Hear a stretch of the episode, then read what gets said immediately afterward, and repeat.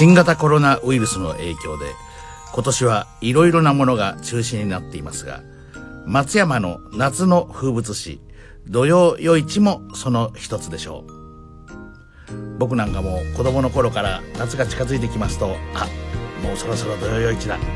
土曜夜市行きたいな、えー、胸を弾ませたものです。でも今年は残念ながら開催することができません。そこで土曜日放送「ドッキリナイトスピリッツ」では土曜夜市気分を味わっていただこうとプレイバック企画をお送りいたします。放送は6月6日からプレイバック!土曜夜市。ええ今晩だけじゃなくて毎週毎週土曜日やる。ああこれいいですね。なんかねあのえー、っと B 級映画って言ったら分かるかどうか分かんないですけど。今音でよみがえる土曜夜市の世界。皆さんに土曜夜市気分を音だけでも味わっていただきたい。ドッキリナイトスピリッツからの心ばかりのお中元企画です。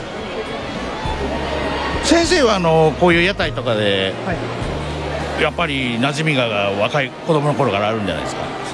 屋台はねあのー、まあ祭りがね本当好きですから好きですけどもここまであの普通の街とタウンとね、はい、えー、と屋台がこう一緒一体になってるっていうのは珍しいじゃないですかこういうところに。ね珍しいですよね、うん、珍しいですよ。いやいや。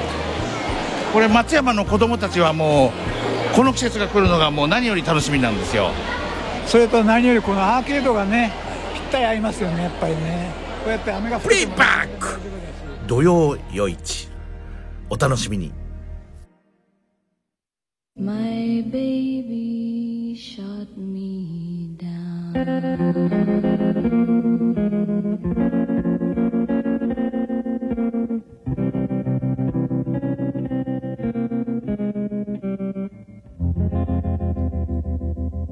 痛快杉作 J 太郎のドッキリナイトスピリッツ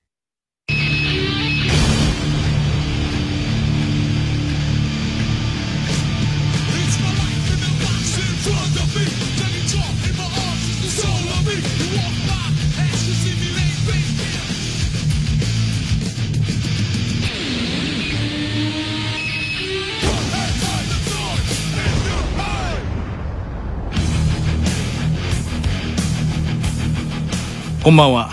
杉作清太郎です、えー、今夜も生放送で愛媛県松山市本町1丁目1の1南海放送2階パルスタジオから愛媛県内の皆様には AM と FM2 つの電波で全国の皆さんにはラジコでお送りいたします、えー、今夜はですね、えー、先ほど冒頭にも、えーえー、報告しました、え、土曜夜市プレイバック企画今日からスタートします。えー、今日と来週再来週あたりまでが軍中の夜市のプレイバック。そして、えー、その後、えー、松山の大街道銀天街の土曜夜市のプレイバックへとなだれ込んでまいります。先ほど冒頭の予告で、えー、松山の土曜夜市を歩かれていたのは脚本家の丸山翔一さんであります、えー、丸山翔一さんと土曜夜市の出会いも、えー、プレイバックしていきたいと思っております、えー、今夜も井上ネオさんのネオラジは生で、えー、電話で、えー、リモートで、えー、お送りします。そして番組内番組は、古書店探訪愛媛道編。そしてもう一つの番組内番組は、えー、こちらはですね、えー、そうですね、あのー、リクエストというかリクエストに応じましてですね、えー、再放送、手塚のり子さんの、アックス編集長手塚のり子さんの、えー、私、私の漫画道でしたね。はい。私の漫画道。こちらの番組内番組もあります。今夜も23時少し前まで、まあ、ほぼ23時まで皆さんお付き合いよろしくお願いいたします。それでは早速1曲目参りましょう。1曲目、荒木一郎さんです。果てしなき闇の彼方に。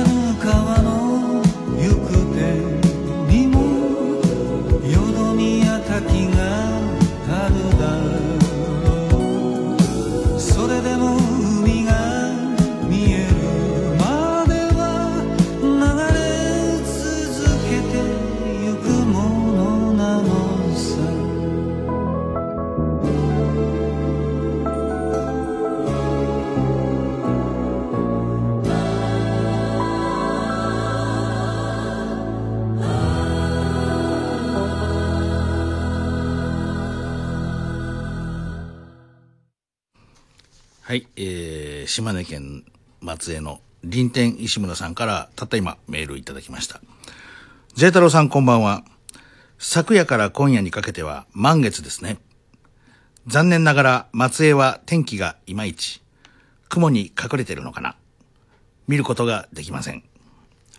さて、6月の満月は、例によってネイティブアメリカンが6月がイチゴの収穫期にあたることから名付けたそうです。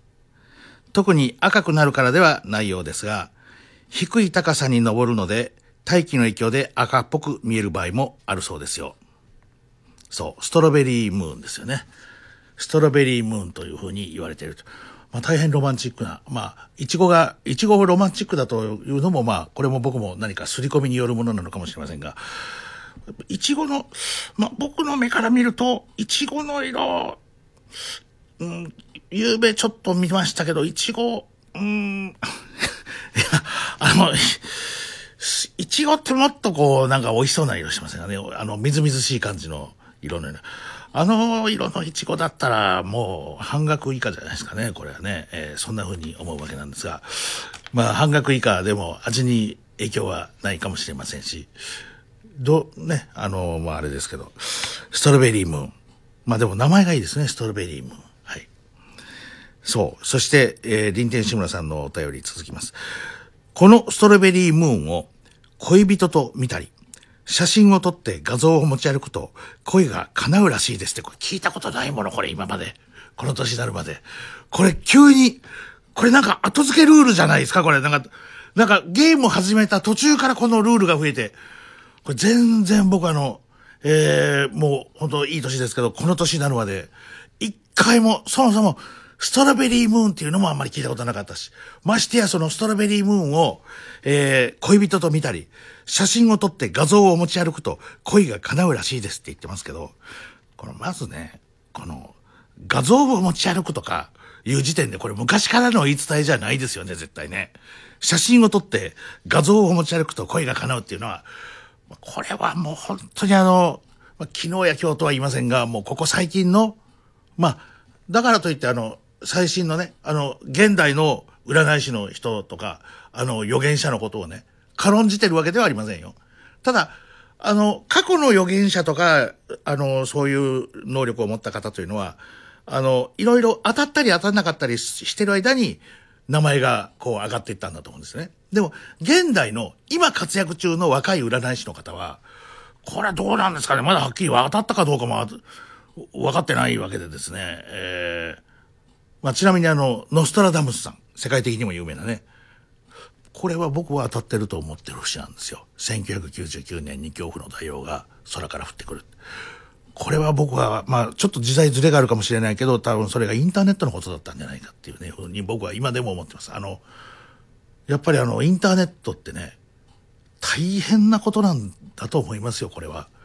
えー、あの、恐怖の大王っていうだけだと本当、良くもなるし悪くもなるけどね。まあ、今のところ、まあ、便利な方にも、この、自分、まあ、これは便利にはなってるはずなんですけど、まあ、でも便利になってる反面、どうなんだろうっていうような話もあるんですが、お便りに戻らなければいけませんね。はい。えー、別にあの、臨天志村さんにケチをつけたわけではないんです、僕はこれを。あの、わざわざ親切で教えてくれたんです、これね。このストロベリームーンを恋人と見たり、写真を撮って画像を持ち歩くと恋が叶うらしいですよ、と。なんとか撮影しましょうって、これ急に言われても、今ラジオ聞いてる皆さんも大丈夫ですか？これ。あの、もう時間、恋人を作るところから始めなきゃいけませんからね。あの、昔ありましたけどね、あの、大晦日に、あの、吉田剛とね、イベントやってて、あの、もうあとカウントダウン、今年あと1時間か2時間だね、なんて言ってた時に、ジェイさん、そういや、あの、なんか今年中に結婚するって言ってましたよね、みたいな。俺はまだ諦め、諦めてないぜなんて言ってね。いや、まだ1時間あるなんて言ってね、言ってましたけど、無理に決まってるだろうっていうね、彼も随分意地悪なことを、あの、えー、あと、今夜は、でもここまではね、恋人がいないとか、あの、今は、今は女色を立ってるんだとかね。今はあの、男を立ってるとかいう人もいるでしょ。あの、私は、あの、やればできる子なんだけど、あの、なんか恋愛をするとそっちに行ってしまうのよなんていう人もいるかもしれません。でそういう人は、あの、これ、ストロベリームーンを恋人やと取るわけにいきませんが、ここから先は、ここから先は恋愛の有無。えー、あとはあの、なんですか、あの、彼女のいるいないに関係なく、全員に、あの、興味のある話じゃないでしょうか。あと、今回は深夜に、えー、勢いよく読もうとしたんですが、なんて読むんでしょうね。半分の影の月食と月食と書いてるんです。半分の影の月食。繁栄月食でしょうかね。繁栄月食。地球の影に月が少し隠れるも見られるらしいですよ。今回は深夜に、だから満月が、こう、ちょっと欠けてくるわけですね。パパッパパーン、パンパンはい。ということで、えー、リクエストもいただいてるんですが、まあ、これは今日はね、ちょっとあの、土曜日はリクエストに答えるのは、えー、不可能という、人為的に不可能ということを、あの、申し上げておきましょう。はい。ということで、えー、今夜は、ストロベリームーン、ストロベリームーンの夜にお送りする、この、ドッキリナイト、スピリッツ、生放送でお送りしております。皆さんからも、あの、メール、メールとかいただきたいと思います。皆さん、どうお過ごしですか？あの、コロナはね、収まりそうになったかと思ったらまた、あの、活発になったりして、なんか、伸びて縮んでまた伸びて、もう本当にあの、緊張感を保たなければいけないのが大変だと思いますが、あの、皆さん、どうお過ごしですか？えー、メールアドレス、jt.rnb.co.jp、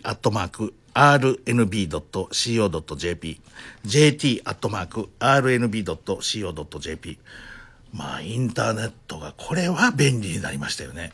もう今、この瞬間に、皆さんが、これ、日本のどこか、まあ、世界でもいいんですけど、世界は多分このラジオが聞けませんから、どんな遠くにいても、今書いて、今サラサラサラってこう、メモ、メモ、あ、まあ、あの、メモじゃないですよね。これ、ファックスじゃないか。この、指でね、指でこう、キーボードとか叩いたり、あのー携帯の電話番号みたいなとこを押したら、もうそれが、もう今ここに届くって言うんですからね。もう今この瞬間にメールが届く。だ昔の電報より早いんですよ。昔あの電報っていうのがね、父、既得、すぐ帰れ、なんて言って。ああの、父、既得、すぐ帰れっていうのがもうあの、届くまでに結構かかりますよ、やっぱりね。あの、まず、電報局、電、電話局行って電報打ちますっていう。まあ、電話では、電話でも今頼めますけど、そしてさらにそれを、えー電報を届けてくる方がいる。ね、電話局の方が。大変時間かかるもんなんだったんですが、今はこのメールが、インターネットって便利ですね。本当にこれがあの地球の裏側にいる人とも今この瞬間にやり取りができるわけですからね。うん、まあ確かに便利にはなってるんだ。まあ確かに恐怖の代用といえば恐怖の代用ですよ。これは逆に言うと。あの、すぐに連絡ができるからっていうんで、何かがおろそかになってる可能性はあるわけですよ。人間と人間との関係が。いつでも繋がっている。そしていつでも話せる。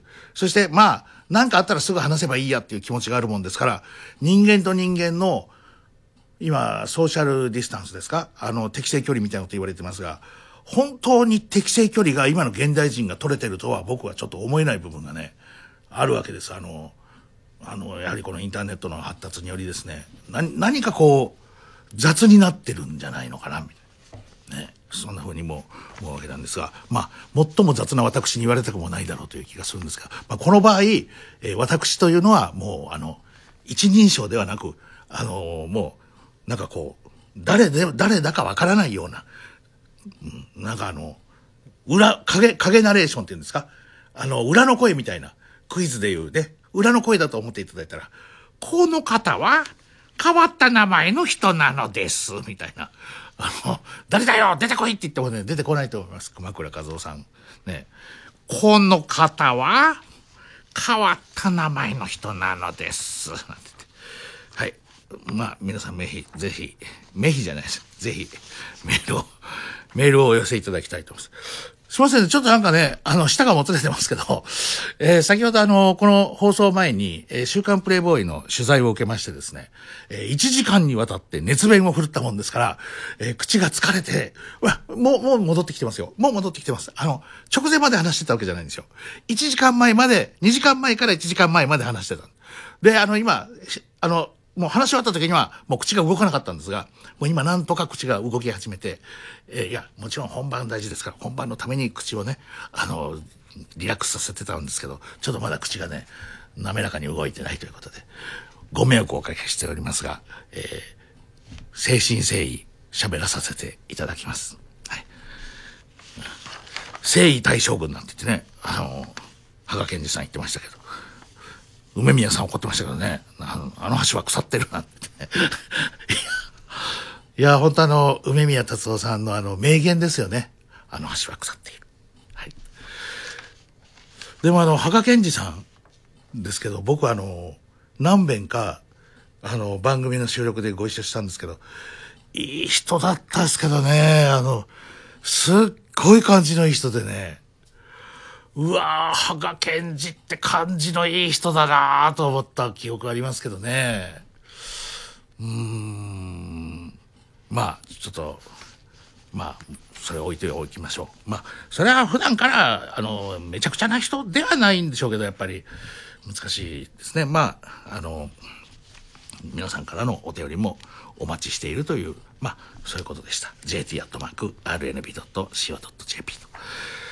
さあ、それでは今日2曲目参りましょう。ね、これ、あの、先々週に1回聞いていただいたんですがね、あの、やはり1回じゃ惜しいということで、こちら、えー、3の方からスピリッツの方に回ってまいりまして、今日おかけしましょう。続荒野の用心棒の主題歌なんですが、えー、現代人にとりましては、そうですね、ジャンゴ、えー、ジェイミー・ホックス主演、ジャンゴの主題歌として、えー、記憶に新しい方もいらっしゃるでしょう。よかったっすね、タランティーノのジャンゴ。本当にあの、あの、撮影機材とか、今のものになってるけど、いやーもう撮影機材今のものになって、今の撮影所ですごい近代的に撮影してんでしょうけど、いやー、描いてたテーマが良かった。ね。あの、嫌な奴とは握手はしないっていう最後にね。嫌な奴と握手はしない。それだけはできなかったんだって言って、死んでいきました。ジャンゴの友達が。はい。それでは聞いていただきましょう。続、荒野の用心棒のそもそもは主題歌です。どうぞ。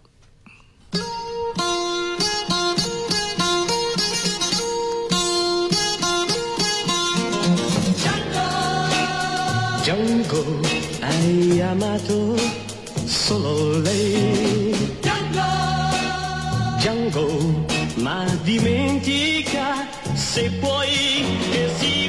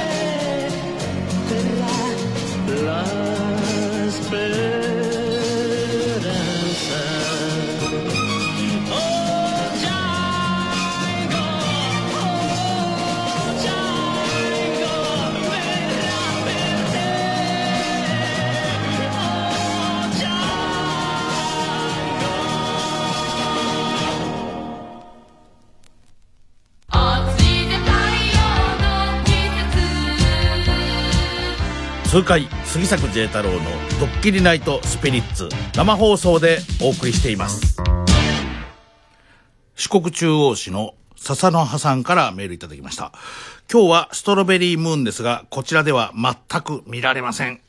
いやー残念。はいそれでは一曲聴いていただきましょう。ブルーミッチェルで「I'm a fool to want you」「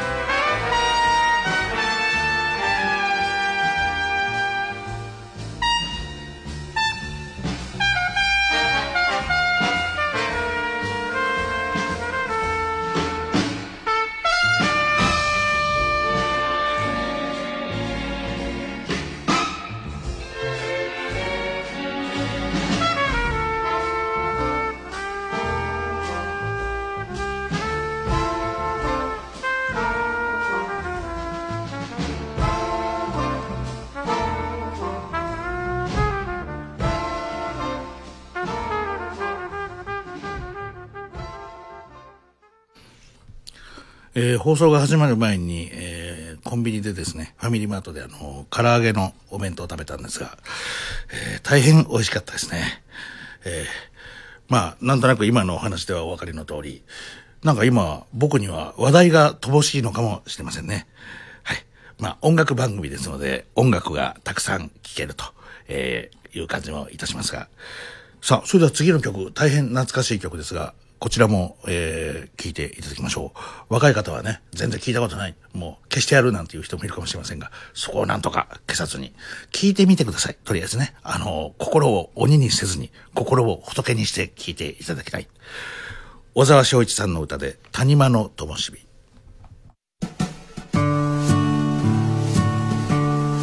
黄昏に我が家の日窓に映りしとき我が子帰る日のる。おいしい母の姿。谷間ひともし頃いつも夢に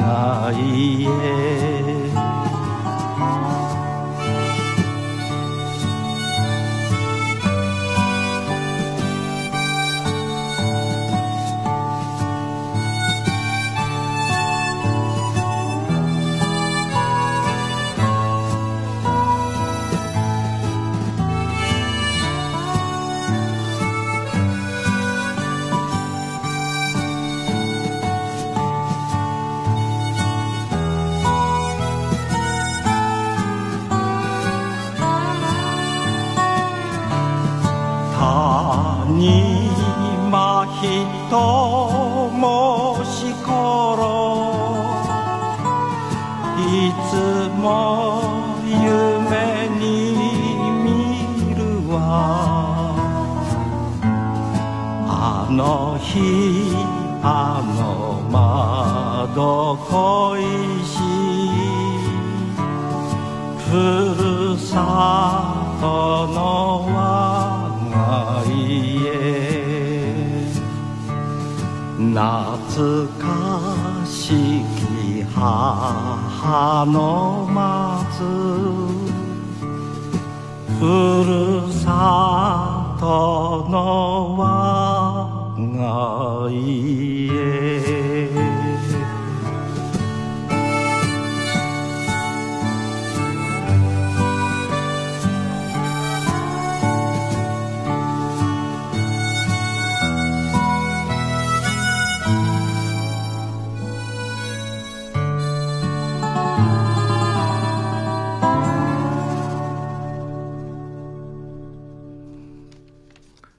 はい、えー、メールをいただきました。ふんどしゆで太郎さんです。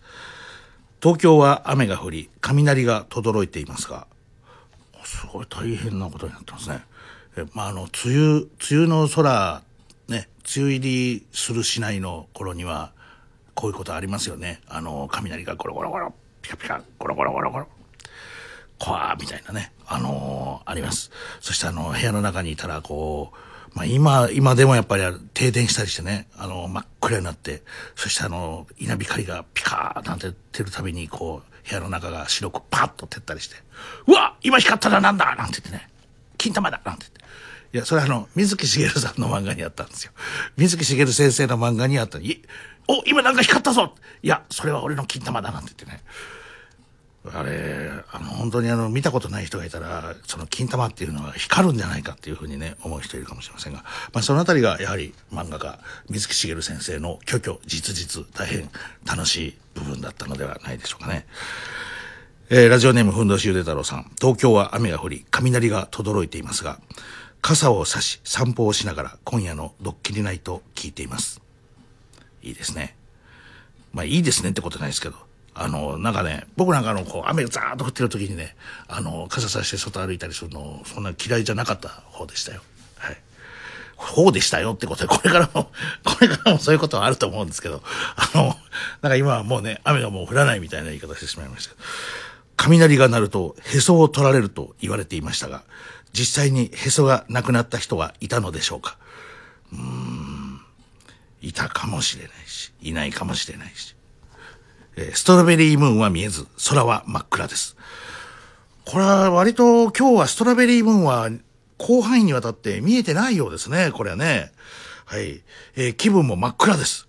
すいませんでした。真っ暗なんですね、ゆで太郎さんは今。こんな夜には杉作さんのラジオが心に染み入ります。大丈夫なんですかね気分が真っ暗な時に聞いたら、あの、気分、ちょうどいいラジオっていうのも、なんか問題があるような気がしないでもないんですけど。そうですね。あの、コンビニで発泡酒を買って帰ります。うん。そうですか。あの、ワインなんかもいいんじゃないですか。あの、ワイン。僕あの、実は夕べね、あの、飲んだんですよ。夕べあの、大久保、大久保さんが、からいただいた、あの、モアミュージックの大久保さんからいただきました、ワインをですね、あの、飲んだ。あの、原稿書こうと思って。で、原稿書く前に、よしやるぞと思って飲んだら、いやー、恐怖ですよ、本当恐怖。すぐ寝てしまいました、もう、本当さあ、それでは、えー今日の番組内番組行きましょうか。まず、古書店探訪スピリッツ、どうぞ。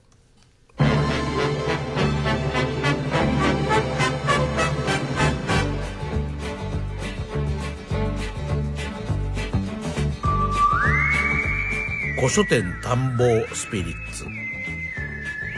ロープウェイ街、愛媛堂編。出演、内田名人。杉作 J 太郎。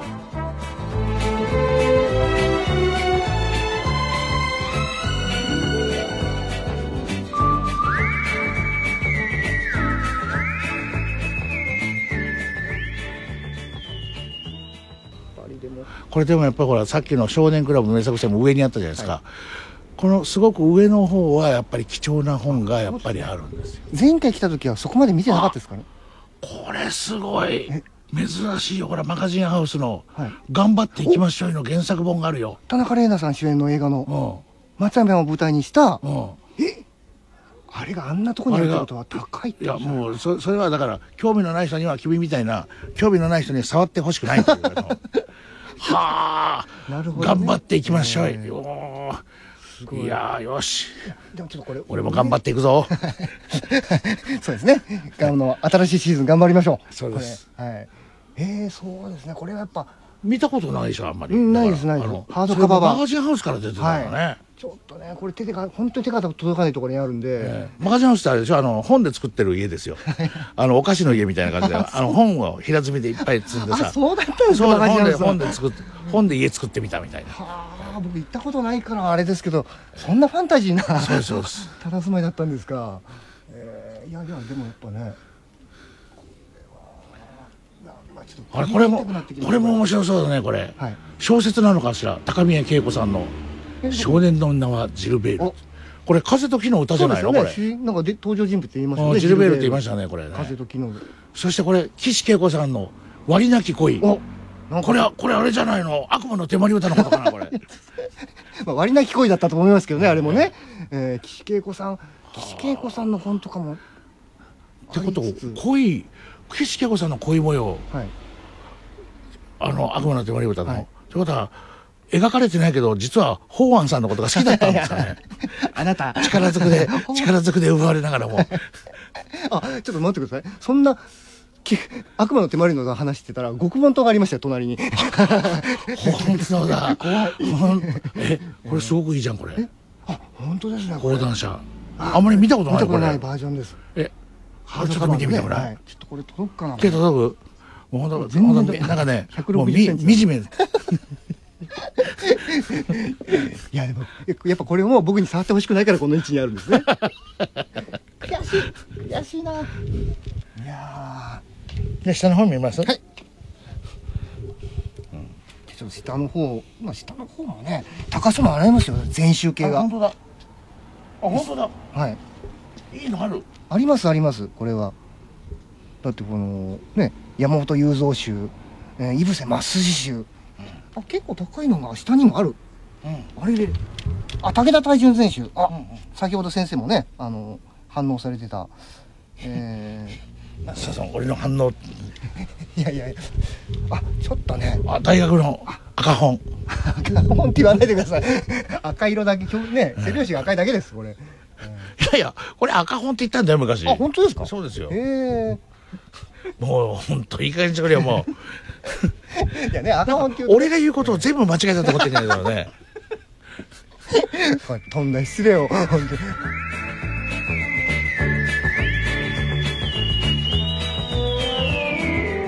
ロープウェイ街愛媛道編古書店探訪スピリッツを終わります。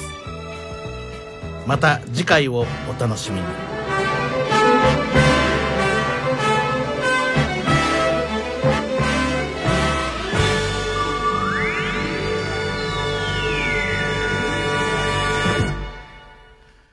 あの梅雨の季節梅雨の季節ってなんかあの古本となんか相性がいいですよね。こうしっとりとしたこう古本とね梅雨の季節。杉作さんこんばんは。ゆこと申します。ステイホームということで今日一日部屋で過ごしていました。最近は本当に暑いですね。それに加え湿度まで高まっていると体感しています。杉作さんのストロベリームーンとの第一声に窓を開けて空を見上げました。雲が広がっているのか光はありませんでした。残念だなと落胆していると風が部屋に流れてきました。気持ちいいな、黄昏れていると田植えを終えた田んぼからカエルの大合唱が日本的情緒によって季節を感じました。ゆこさんからいただきました。さあ、それではここで一曲聴いていただきます。斉藤不二とマスタッチ5、さすらい未練町。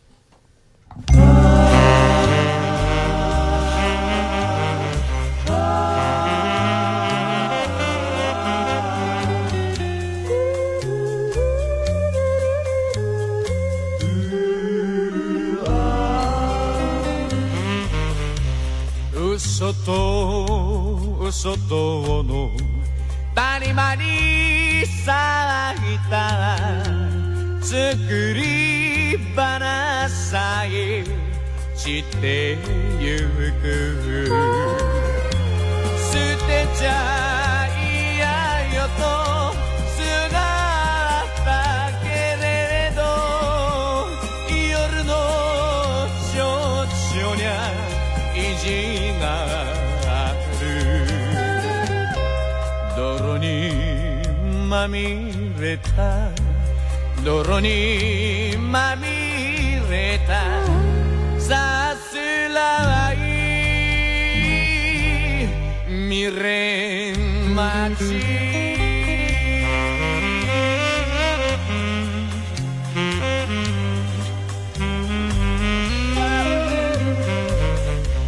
誰と誰とが幸せなのか。辛い街だよ。女には。惚れて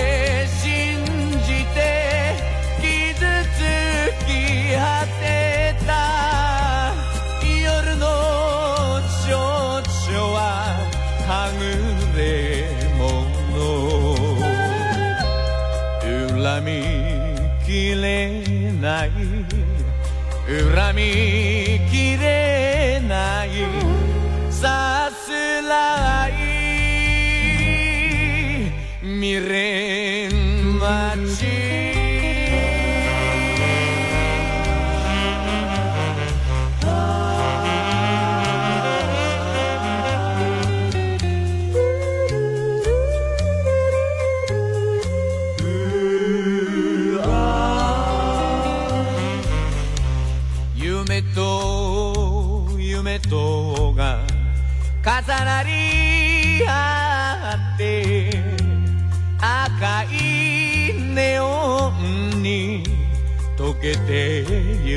く。男一人に全てをかける。夜の蝶々も人の子さ涙混じりの涙混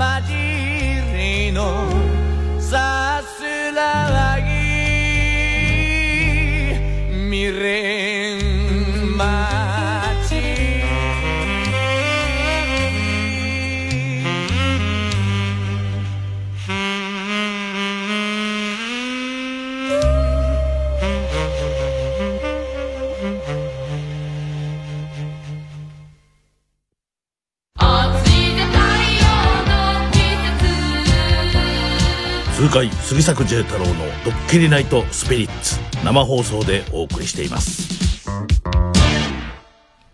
はい、えー松山市のグリーバス将軍さんからメールいただきました。コロナ騒ぎの中で夜市が自粛されるのは寂しい限りですね。ただ私は田舎の夜市では悲しい思い出があります。小学生の頃夜市の屋台でくじが販売されてました。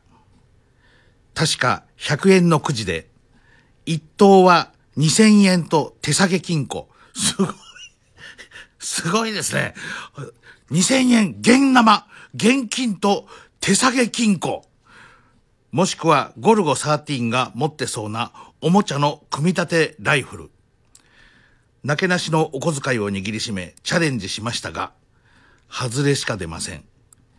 100円で外れの30円のガムしか当たりませんつらつらい30円な1回やるごとに70円の損というねところが屋台のおばちゃんが引くと大当たりが出るのですおばちゃん曰く運が悪いね。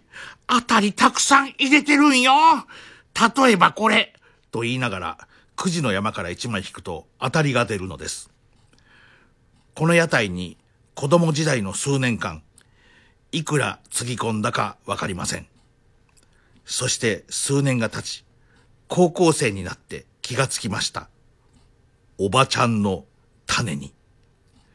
詳細は明かしませんが、絶対に当たりは出ません。気になる気になりますね、これ。よく見ると、景品のライフルも金庫も、小学生の時と変わりません。あ、まだ出てらっしゃるんですね。ええじゃああの、金庫がずっと、小学生の頃から、はい、当たりが出ていないのです。私の苦い思い出です。人生の教訓になりました。大げさかな。ふっ 最後に笑いって書いてます。私の苦い思い出です。人生の教訓になりました。大げさかな。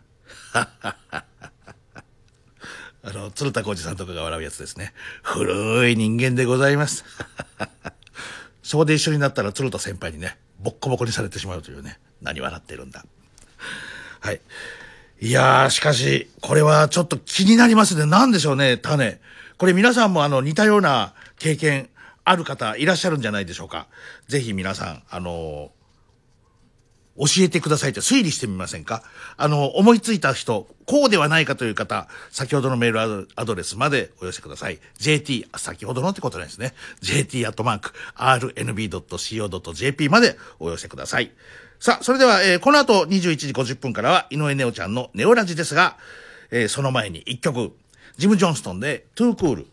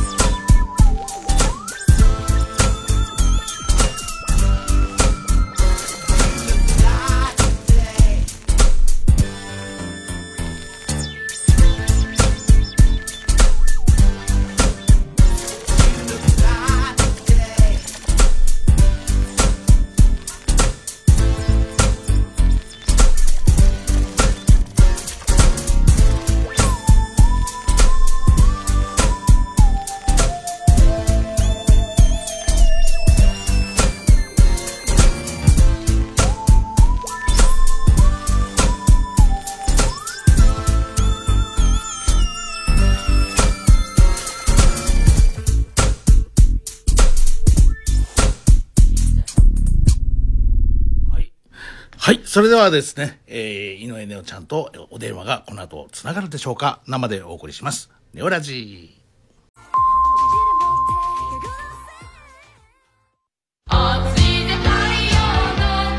痛快杉作 J 太郎のドッキリナイトスピリッツ。古いやつだとお思いでしょうが、生放送でお送りしています。はい、あのー先ほどのね、あのーあれ、あのネタ、ネタじゃない、種、種ですね。まあ、ネタ、種、それは手品の種。はい、手品の種。あの僕もね、似たような経験あるんですよ。あの子供の頃によく行ってた駄菓子屋さんというかね、あのお店でね、僕ももうくじが好きでですね、もうあのもう本当の、お小遣いもほとんどくじにつぎ込んでたと思います、僕も。で、あの全然当たらないんですよ。全然当たらないんだけど、その店のおじいさんいましてね、当たり、これ、これちょっと引いてごらん、試しになんてって引いたら当たりなんですよ。ただ、僕の場合はそれでね、当たりもらいましたよ。あの、いくら引いても当たり出ないから、もう、なんか、なんか、あーと思ってたら、おじいさんが、あの、じゃあちょっとこれ引いてごらんなんて言って。ほんで引いたら、一等が出た。当たったなんて。ほら、当たったじゃないなんて。どういうことなんだろうっていうね。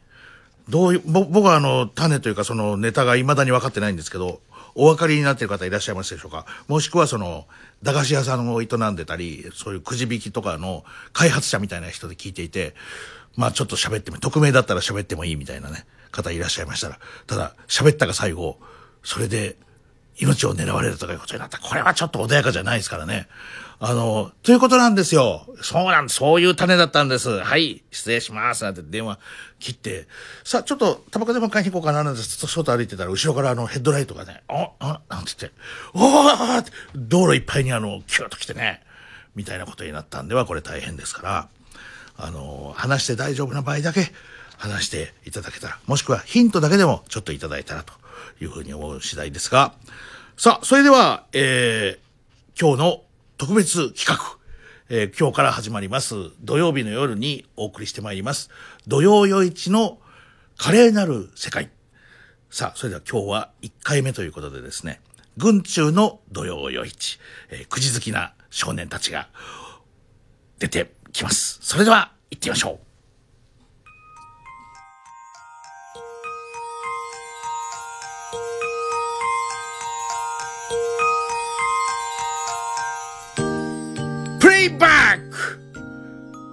プレイバック土曜夜市土曜夜市の風景。軍中灘町商店街の土曜夜市笹の葉さらさら軒場に揺れる。お星様キラキラ。2018年なあちょっとおかしかったですね。2018年6月の録音です。はいどうも杉作です。そしてなっちゃんどうもお疲れ様です。お疲れ様です。えー、今これは軍中駅のすぐそば、もうまさに夜市が始まろうとしております。まだあの太陽出てますけどね。そうですね。えあの夜と朝の間にバイピーターみたいな。もうあの今まさにあの夜市が始まろうとしております。あすでにすでにもうあのお子様たちがたくさんいらっしゃっておりますね。こんにちは。こんにちは。夜市に来たんですか？おななんか目当ての食べ物は何かあるの？ポテト。ポテト。ポテトごおすすめありがとうございました。ありがとう。伊予市の、えー、軍中というところに来ております。ぐ伊予市の、これは何商店街だろう？えー、商店街の、ここで夜市が、なんと行われようということで見てください。もうすでに、なっちゃんも大好きな、なっちゃん好きなんじゃないの？屋台が屋台好きなんでしょ？はい屋台好きですそう、なっちゃんはもう屋台が恋人だから。ね、あの屋台がたくさんもう出てますよ。箸巻き、まず東京ケーキ。五色堂の東京ケーキ出ましたね。今まさにもう仕込み、もう、もうすぐ焼き始めるところです。そして、箸巻き。これも、えー、まだ、今、鉄板を温め始めようかという、まさにそんな感じで。夜市自体はこの5時から、今5時、5時なんですけど、え、5時に、あのーここ道路が今封鎖されまして、自動車はもう入ってこれなくなっております。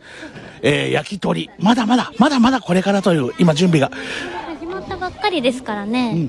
あ、すでに金魚すくいに若者たちが、あれさっきポテトなんて言ったくせに、金魚に群がっております。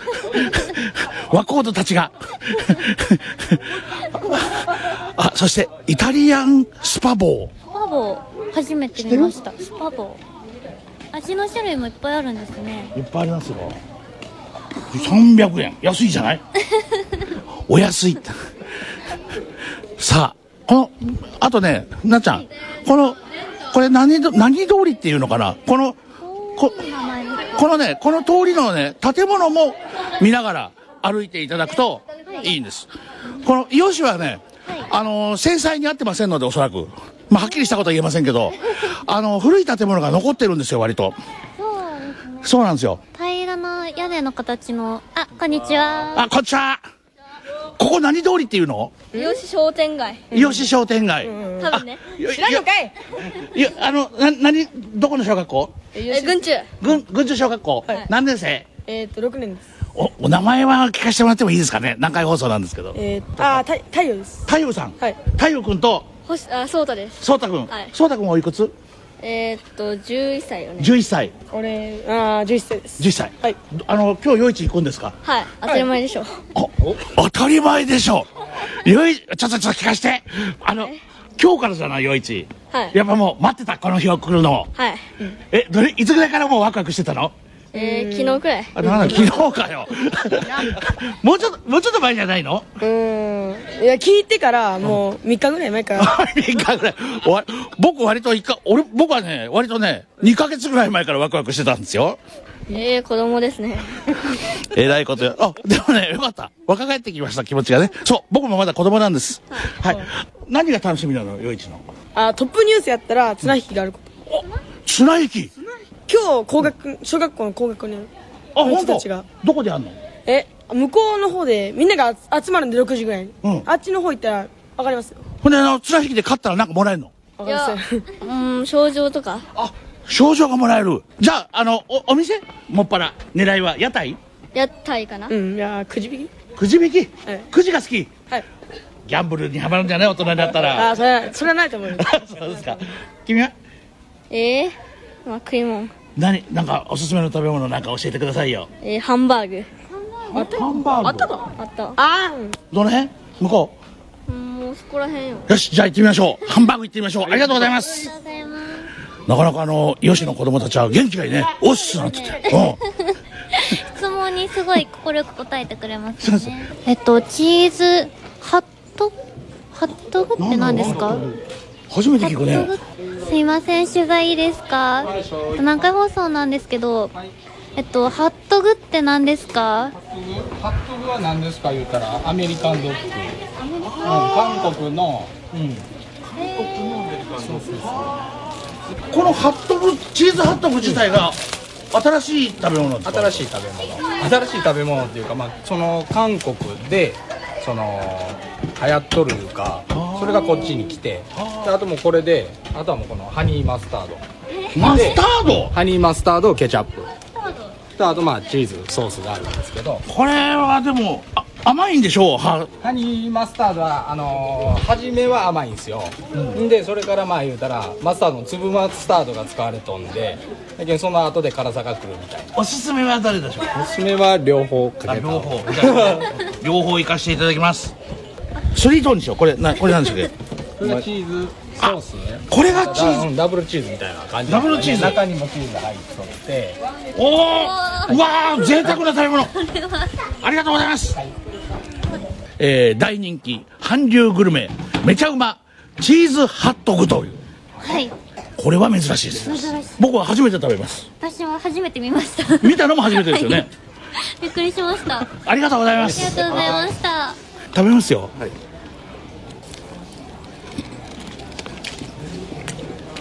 柔らかいえー、これちょっと初めての食感はい。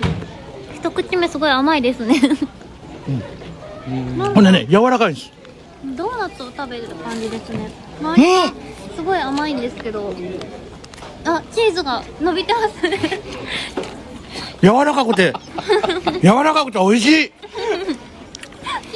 ほらもう子供たちが今若人たちが欲しそうな顔して歩いてきましたけど。うん甘くて辛いような。はい。さあそして、えー篠崎ベーカリー。出ました。篠崎ベーカリー。僕の好きな篠崎ベーカリー。このね篠崎そう篠崎ベーカリーねいっぱいパンあんのよ。100円って安くないですか？そうだよ。一袋100円本日のお買い得これやっぱりね製造製造元だからこそできるこの篠崎ベーカリー。ここのパンがねあのいろんなとこに売ってるんですよ。裸麦パンとこの。あとはね紅麹はい紅麹うん紅麹パンとかね。体にいいのよ体に。ほら裸麦パン。な君たちは伊予市小学校？軍中小学校。軍中小学校の子供たちは何？篠崎ベーカリーのパンを給食で食べれるの？はい羨ましいねもう。ぼわた私なんかわざわざ買いに来てんのに。ボビーです。どうですか？ここの篠崎のパンはどうぞ。好き？美味しいです。美味しいです。おすすめは？おすすめは？おすすめは何何やったっけ？俺黒糖パンが好きです。俺なんとかパン。黒糖パン。これなんとかパンってわこからないれなっちゃんも聞いてなっちゃん。なっちゃん聞いた方がみんな機嫌よくなるから。そうですか？え給食でよく出るパンで好きなやつって何ですか？え何？やったっけ？何やった？何が好き？揚げパン黒揚げパン。何？何パンやったっけ？何パン最近出んことない。うん最近出ないの けど米パンとか普通のならいつも出おる麦パン。やねそうそんな小麦パン？小麦小麦パンは普通にパンじゃないの 普通のパンがめっちゃ出るんや。ええお前いいなそれ。俺欲しい。なんでだねん？ー、それは？何それ？え？っとくじ引きで。もうくじやったのかい君は。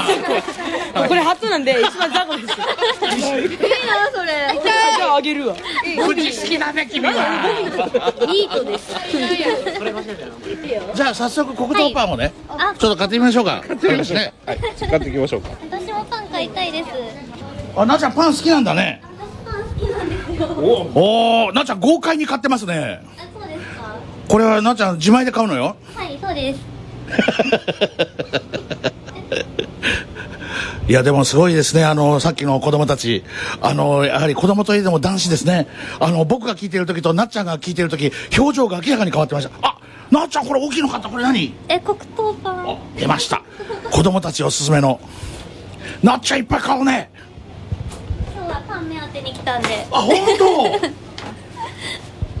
これやはりこう街の商店街の中でこのパンの工房があってそして出来たてのパンをもうこの至近距離で売りに出しているというあの工房からもうこの売り場までががもう1メートル、えー新発売ヘルシーブレッド紅麹入りパンこれ僕も食べたことあります。美味しいんだよこれがまた。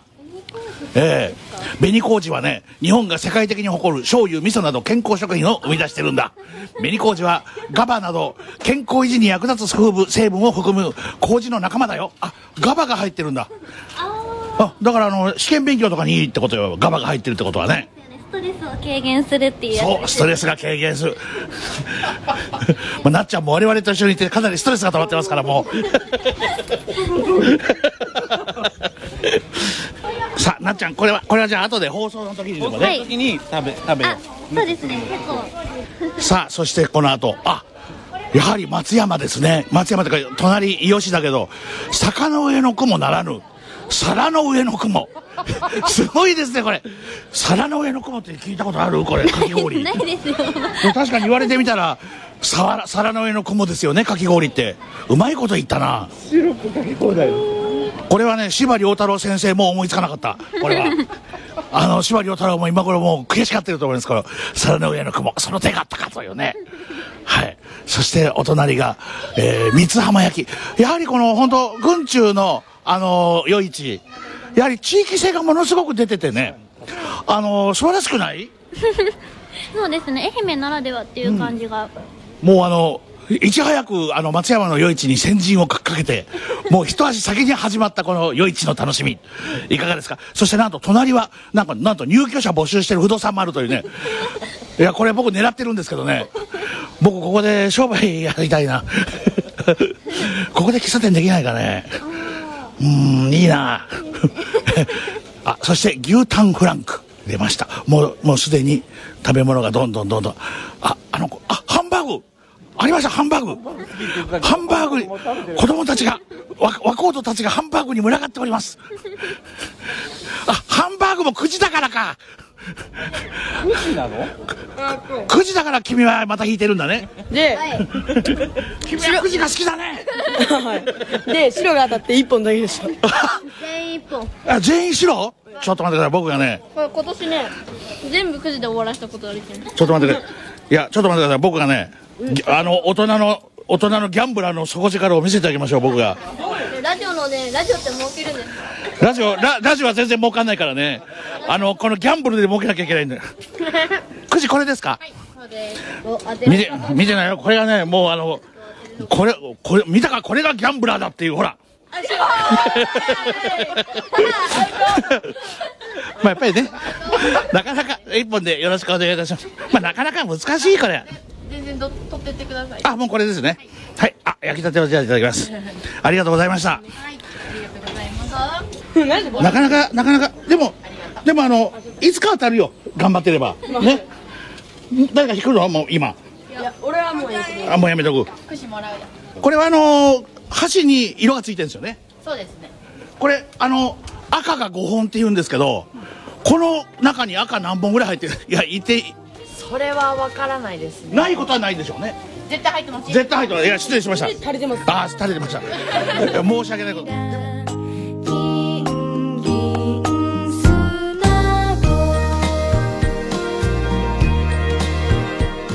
プレイバック土曜夜市軍中の夜市今日はここまでまた来週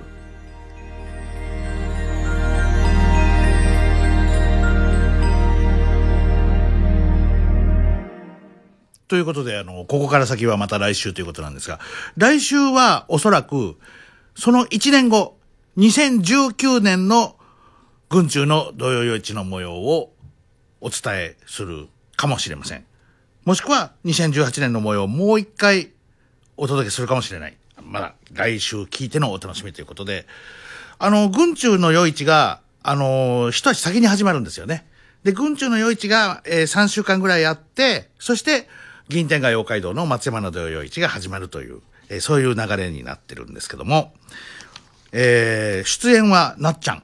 はい。なっちゃんと、えー私、杉作 J 太郎。そして、時々ね、あの、子供の声ではない笑い声が、はっはっはっは子供の声ではない笑い声が入ってましたね。ほんで、あの、笑い声に混じって、放送の時に食べるんよ。あの、厳しい。放送の時に、なっちゃんがパンたくさん買ってるのを、放送の時に食べるんやで。はい。あの、何かあの、声が入ってましたが、えーそれは、えー藤田裕次郎さん、通りがかりの、通りがかりの南海放送のアナウンサーの、いや、そんなことないです。あの、この日は、あの、ディレク、ディレクターで来てたんです。藤田裕次郎さん。今は、えー出世されましてね、この番組のプロデューサー様に、えーなっておりますんで、えーよろしくお願いいたします。はい、ということで、えー出演、えーなっちゃん、杉作、藤田裕次郎でお届け。まあ、藤田裕次郎、いわゆる当時は、えニックネームがありましてね、あの不動明王、恐怖の大王じゃない、不動明王と言ってました。あれはね、今思うと僕なりに、あの、気遣ったんですよ。あの、アナウンサーの方だったから、アナウンサーの方が、裏方というか、あの、ミキサー卓を操作するということで、あーなんか僕の声なんかよりも藤田さんの声聞きたい人いるんじゃないのかなっていう気持ちがありましたもんですから、あのまあ、藤田さんではない、あの、藤田さんとしてではない、あの、不動明王として、えーミキサー卓を操作しているというような気持ちで僕当時、僕言ってたんだと思います。はい。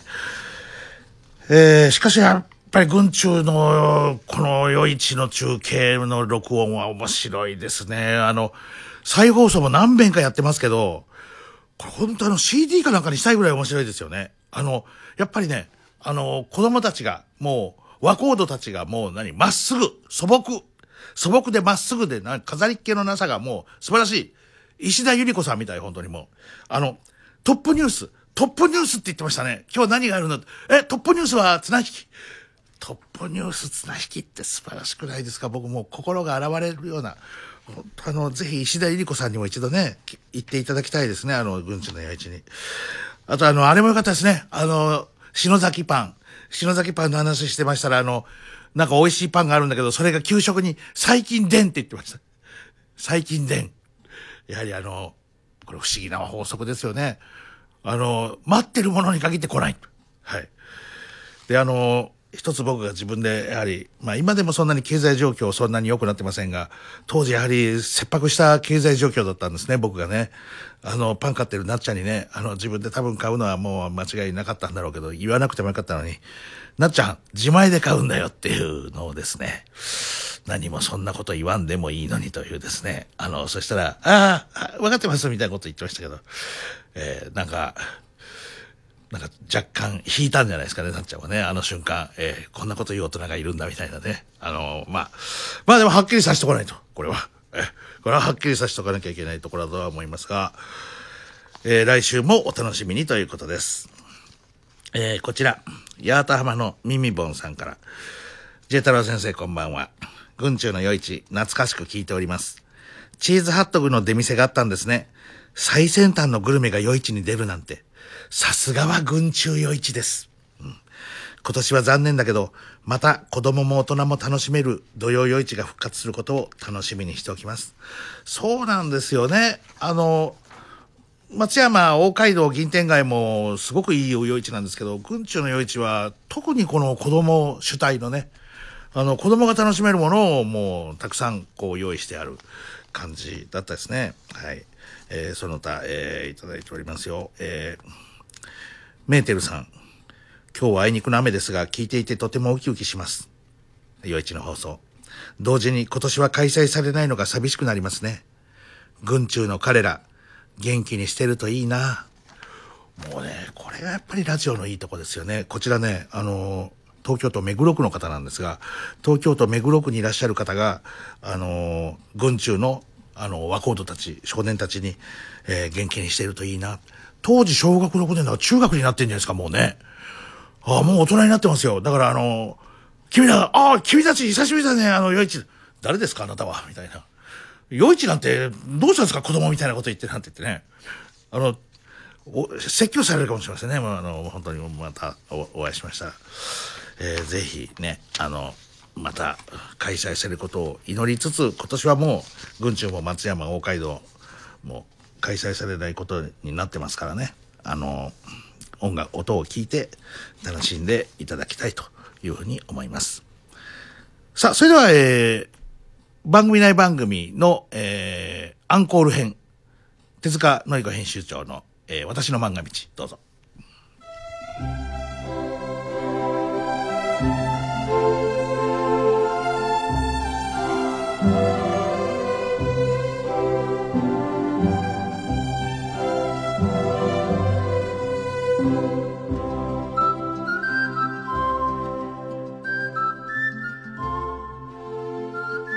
手塚のり子の私の漫画道ガロそしてアックス。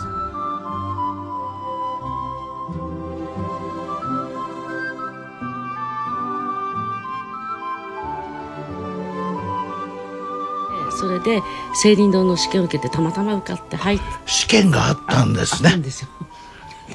あの入社試験がそれちょっと詳しく聞いてもいいですか、うんそれ募集はどこに出たんですか？ガロにガロに出てた。ん？あのめったにその募集してないんだけれども、ずっとガロ読んでたら出て、その時もう上京してたんですけれども、でも絶対受けようと思って、履歴書とその論文提出だったんですね。あえー履歴書と論文を、えーゆ郵送するんですか？まず。そうです、でその論文のテーマもものすごく難しくてあのなんだっけな。えっと漫画市場におけるなんだっけな。ちょっと忘れちゃった。なんかすごいちょっとね素人では書けないようなあのテーマだったんですね。でも確かにあの、うん。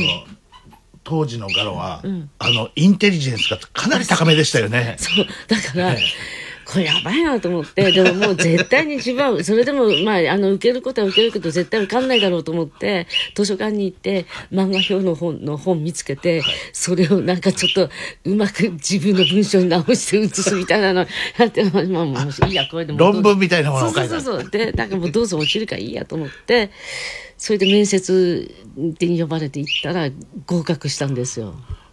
な倍率はやっぱりどれぐらいだったんでしょうねその時受けたのが50人ぐらいって言ってましたね。で、受かったのが3人って言ってて。その論文を50人が書いたわけですそうね。そうそう。で、私、永井さんに、まあ、当時社長の永井さんに受かってから、どうして私が受かったんですかっつって、その論文も実はこここういうわけでね、自分が書いた文章ではもうほとんどないから、みたいなことを言ったら、あ、あれはね、まずね、あの、鉛筆で書いたやつを落としたって。私、万年筆で書いてた。いや、そんなすごいいやすごいなんかこの世の中のなんか、今すごい大事な話が出た感じですね。そう、そのね、その入社試験にね、あの、その論文出せって言われた時に、鉛筆で書いてくるようなやつは失礼だから落とした。まず。で、そこでね、随分古い落としたんだよって言ったから、結構鉛筆で書いた人が多かったんだろうなと思って。で、あと、まあ、永井さんの頭の中では、地方出身の高卒っていうのが理想だったみたいで、あの、なんでですかって。で、私も地方出身の高卒なんで手塚さんはどちらだったんですか？私は宇都宮です。あうん。まあ地方と言っても、それまあ今遠方距離は、距離は関係なく。そうですね、うん、あの地方で育った高卒の子供っていうのが理想だったみたいそれはなんかあるんでしょうかね？あのよく働くからって そうだから大卒はまず先に弾いたようなこと言ってましたよね、うん、そうだからなんかあここだったら自分働けるかもしれないと思ったんですよ。あ。相性がすごく良かったってことですか？そうですね。なんかこれでもあのやっぱりその50人の人がその難しい論文にチャレンジするってことは、やっぱりこれからのさ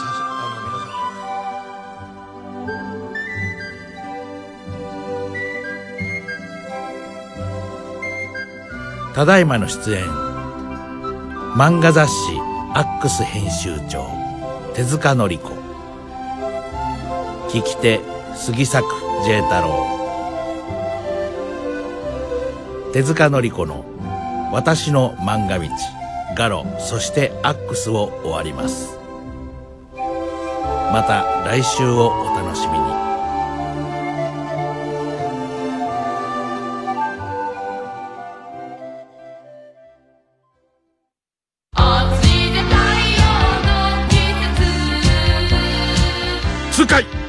J 太郎の「ドッキリナイトスピリッツ」生放送でお送りしています。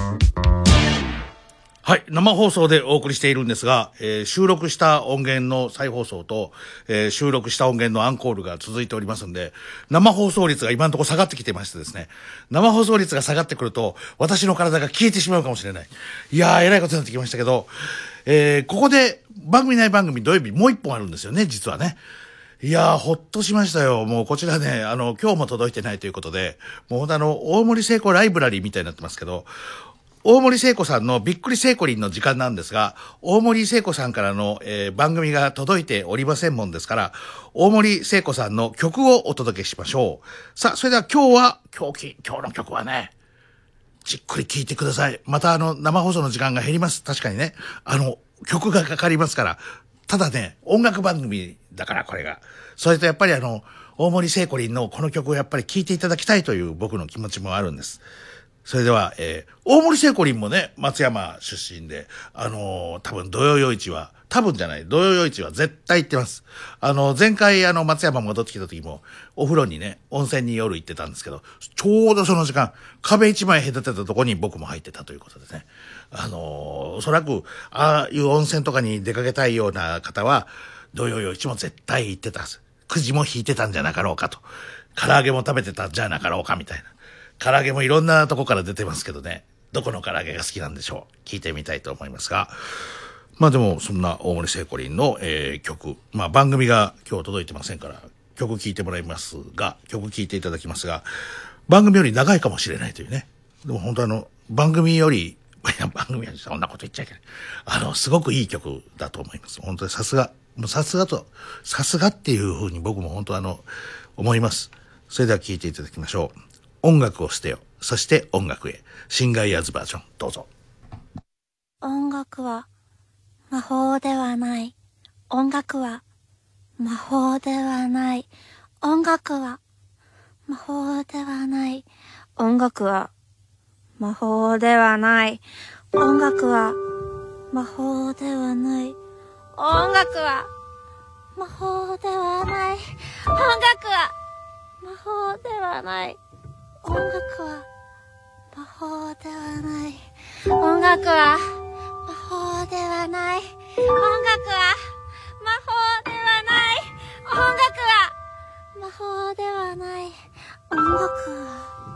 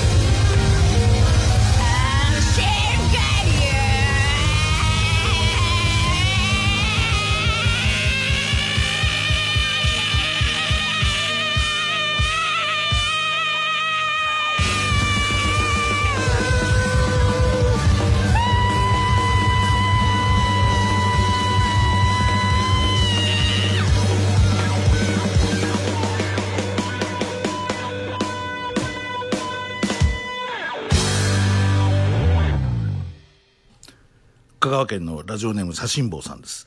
いつも楽しく拝聴させていただいております。祭りのくじ引き、自分も小学生の頃ハマった時期がありました。お小遣いもそんなに持ってない中であまり大きな声では言えないのですが、子供なりの悪知恵なども使いながら2頭にたどり着いたことがありました。どっちもどっちですね、こうなってきますとね。こわもてのおじさんから差し出された景品は少し大きめのゴムまりでした。え？少しその場で固まったのを覚えています。なぜかと言いますと、おじさんの後ろに並べられていた2頭の商品の見本は、ファミコンディスクシステムのソフトか、大型のプラモデルだったからです。でも、そこで食い下がることはしませんでした。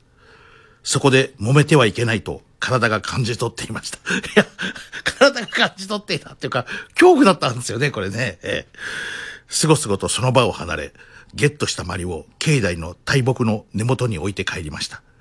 ひどく落ち込んだのを思い出します。それ以降、9時に入れ込むことはもうなくなりました。ラ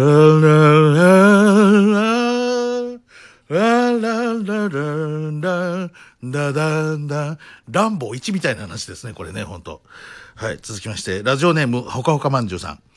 9時といえば小学生の時、ガリガリ君を買って3回連続で当たりが出たことがあります。超能力があったのかもしれませんが、実際は当たりのガリガリ君が同じ場所に固まって置かれていただけだと思います。ガリガリ君3本連続で食べるとさすがに大満足でした。大人になった今は、当たりが出ても、もらいに行ける勇気が、もらいに行ける勇気がありません。わかりますね、これね。僕もね、本当あの、当たっても行かなかったこといっぱいあります、大人になってから。はい、えー、もう一通、ほかほかまんじゅうさんから。えー今夜は夜風が涼しいです。この時期はラジオもいいですが、古本もぴったりですよね。僕も最近、こないだ買った3回、山の怪しいと書きまして3回という本を読んでいます。山で実際に起きた不思議な話がたくさん載っているのですが、狐や狸ってやっぱり本当に人を化かすみたいですよ。杉作先生も化かされないように気をつけてください。温泉だと思って入ったら、声ダメ。声ダメかもしれません。いや、そんな失礼。僕が言ってるところは全部ちゃんとした温泉です。失礼いたしました。もう他、他マンさんが、ちょっとね、あの、もう松山の近隣町にある温泉は本当にあの素晴らしい、あの、温泉ばかりで、声ダメだったことは未だございません。ただやっぱり声ダメに入るってのはこれは大変なことですよ。あの昔小林明さんのショーにね、飯島洋一先生に招待、飯島洋一先生と一緒に見に行ったことあるんですけど、えー飯島洋一さんと一緒に最前列ですよ。最前列で小林明さんのショーを見てましたら、小林明さんが言ってました。子供の頃にね、声ダメに落ちたね。あれに比べたら、その後、倒産とかね、事業失敗したり、すごい借金もできたけど、あの声ダメに比べたらなんてことなかったね。いやー、声ダメがすごかったねって話をね、されてて、落ちとくもんかもしれませんね。だから落ちてなかったら、あの、小林明さんね、あの、事業に失敗して倒産したりした時にもっと困ったかもしれないけど、やっぱりあの、声ダメに落ちたことを思い出して頑張れたというふうに小林明さんおっしゃっておりました。はい。さあ、それでは、えー、今日もこちら、小林明さんとはまた一風変わった。いやさすが大物は大物ですけどね。僕は昔小林明さん、安藤昇さん、そしてこの勝新太郎さん。この、そして内田裕也さん。このあたりやっぱり大変ね、生きのいい、あのースターだと思ってた時期が僕ありましたですけども。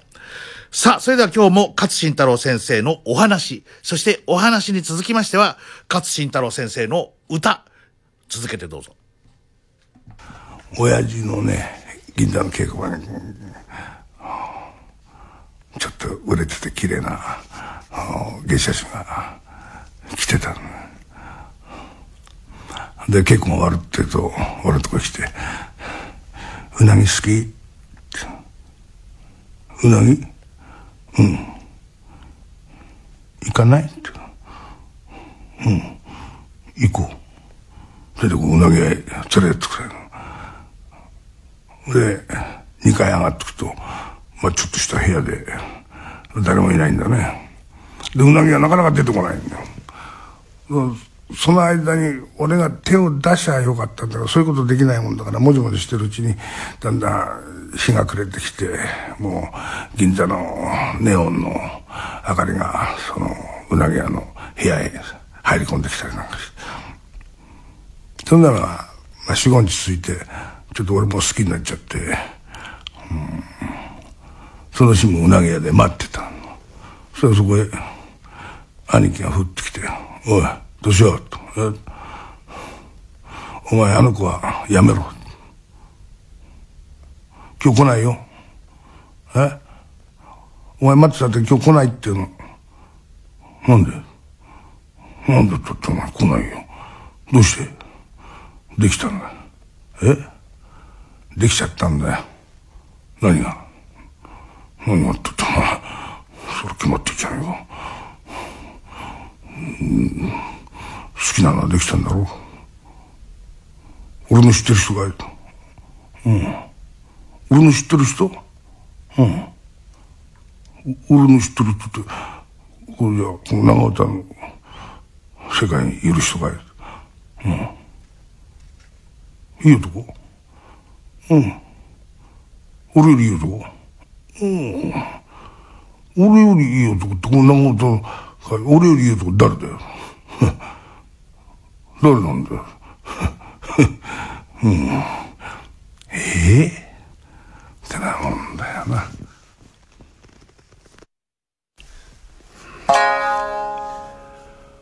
お前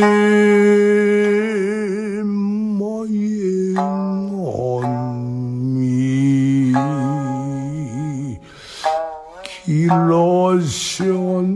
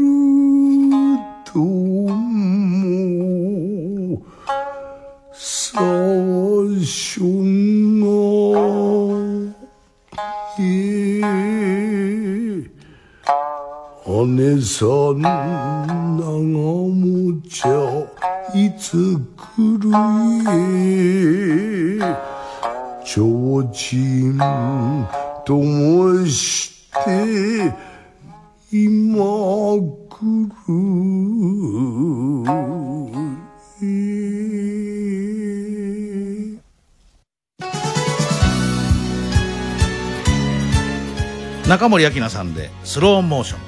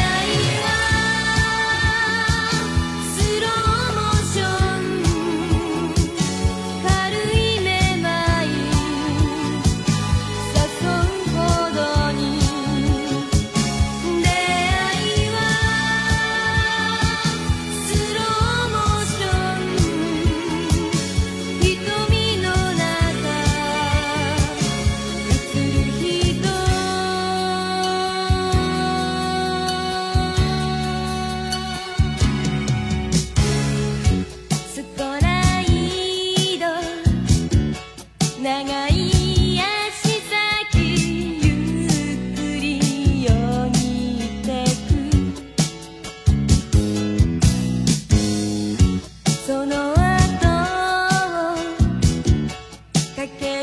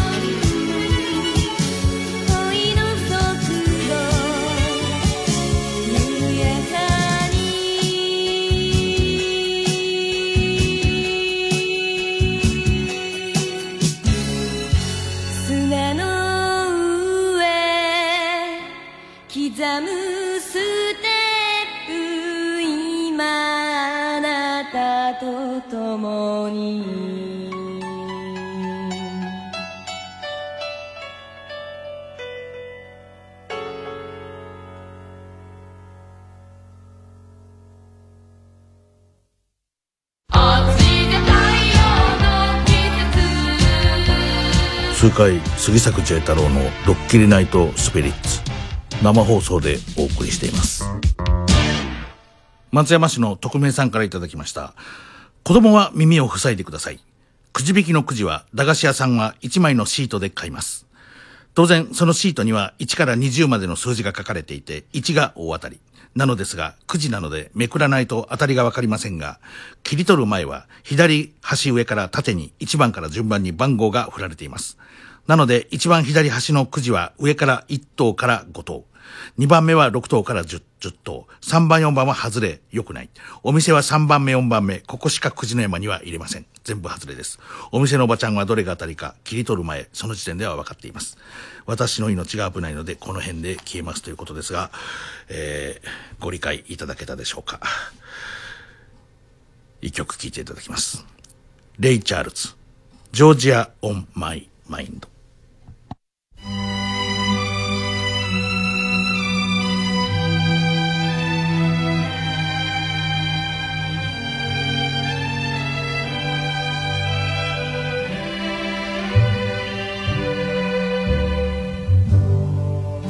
Georgia, Georgia,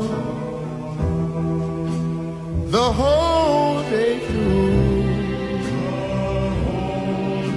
Just an old sweet song keeps Georgia on my mind.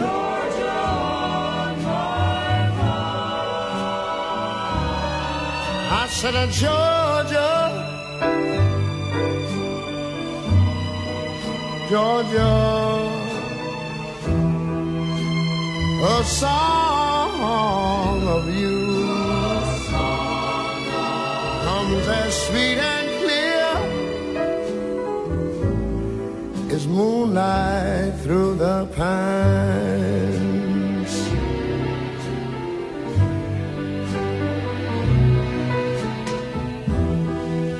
Other arms reach out to me.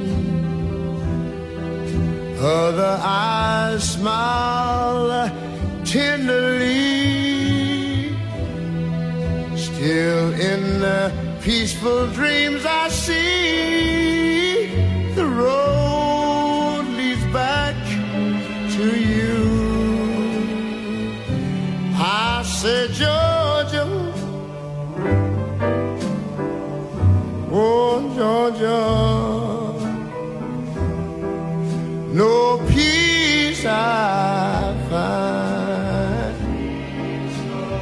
an old sweet song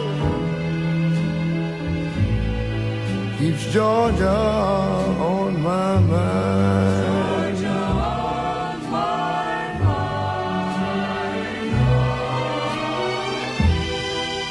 Her the arms reach out to me. Her eyes smile tenderly. Still in peaceful dreams I see the road leads back to you. Whoa, Georgia, Georgia. No peace, no peace I find. Just an old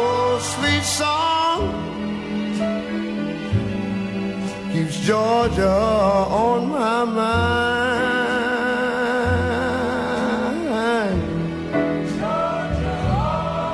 I said just an old sweet song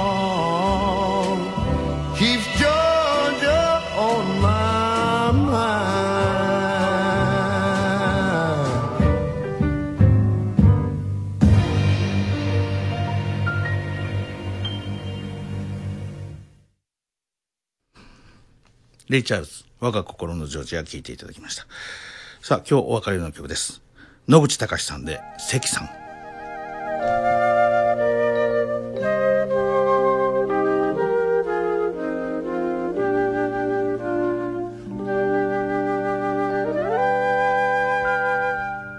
正月映画の打ち上げの晩に小道具の関さんと朝まで飲んだよ。関さんこの道30年。俺まだ5年のペーペーだけど。関さん俺に言ってたな。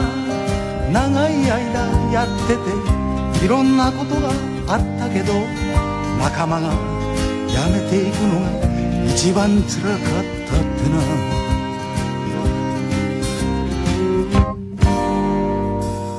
映画が好きでこの道に入ってきたやつで。映画が嫌いになって辞めていくやつはいなかったってな。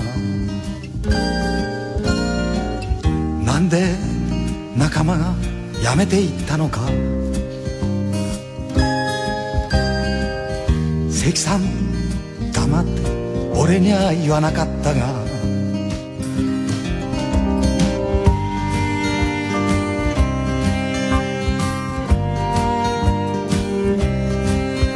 俺絶対やめねえと関さんに約束したよ。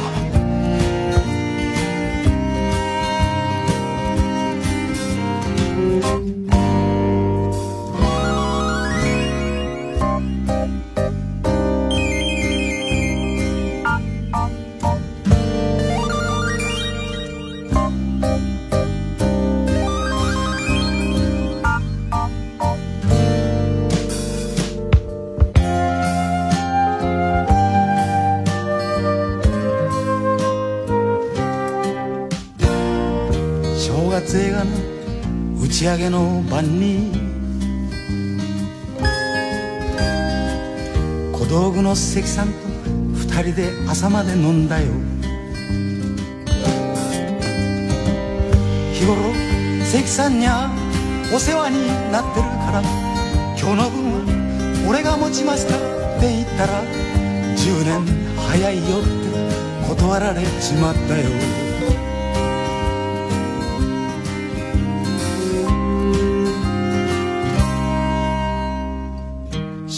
映画の打ち上げの晩に。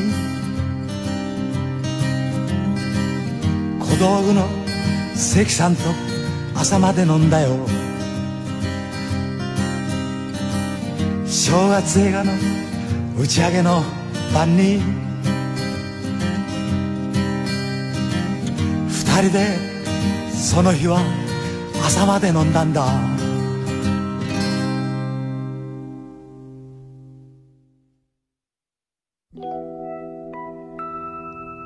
ランララランラリランランララランラリラン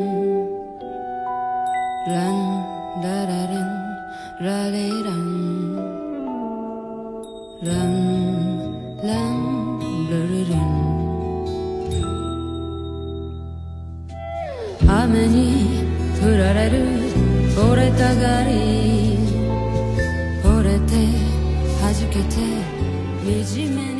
杉作先生こんばんはというのはエース大野雄大さんです。駄菓子屋のくじのお話ですか。私の実家で母親が大昔にタバコや駄菓子やジュースや雑誌や週刊誌などを売る駄菓子屋を営んでいました。くじもやっていました。杉作先生をはじめ皆様もうすうすお気づきのことかとことと思いますが私の母親はいきなり一等が出たら次からもう誰もくじ引かんでしょうと言っていました。これでお察ししてください。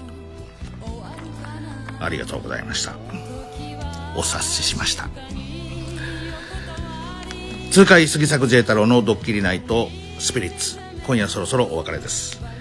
この後は藤原竜也さんのラジオ。藤原竜也のラジオというタイトルの藤原竜也さんのラジオ番組があります。えーストロベリームーンの夜だという話でしたが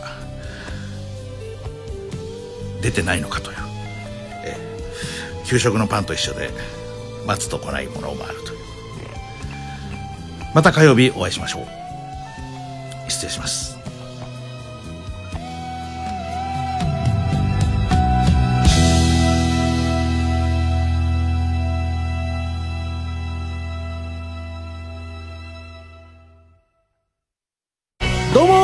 オテンキのりです。ジャニーズ WEST セクシーゾーンキングプリンス。さらにキンキキッズニュース Kｉｓ−Ｍｙ−Ｆｔ2 平成ジャンプ。毎晩ジャニーズアーティストの声が聞けるのはレコメンだけ。毎週月曜から木曜夜10時から深夜1時のレコメン。聞いてねあこんな格好ですいません。そうさ僕らは世界に一つだけの命一人一人守る人を持つその命守ることだけに一生懸命になればいいステイホーム3密を作らない。手洗いうがい。南海放送からのお願いです。南南海放送が午後11時をお知らせします。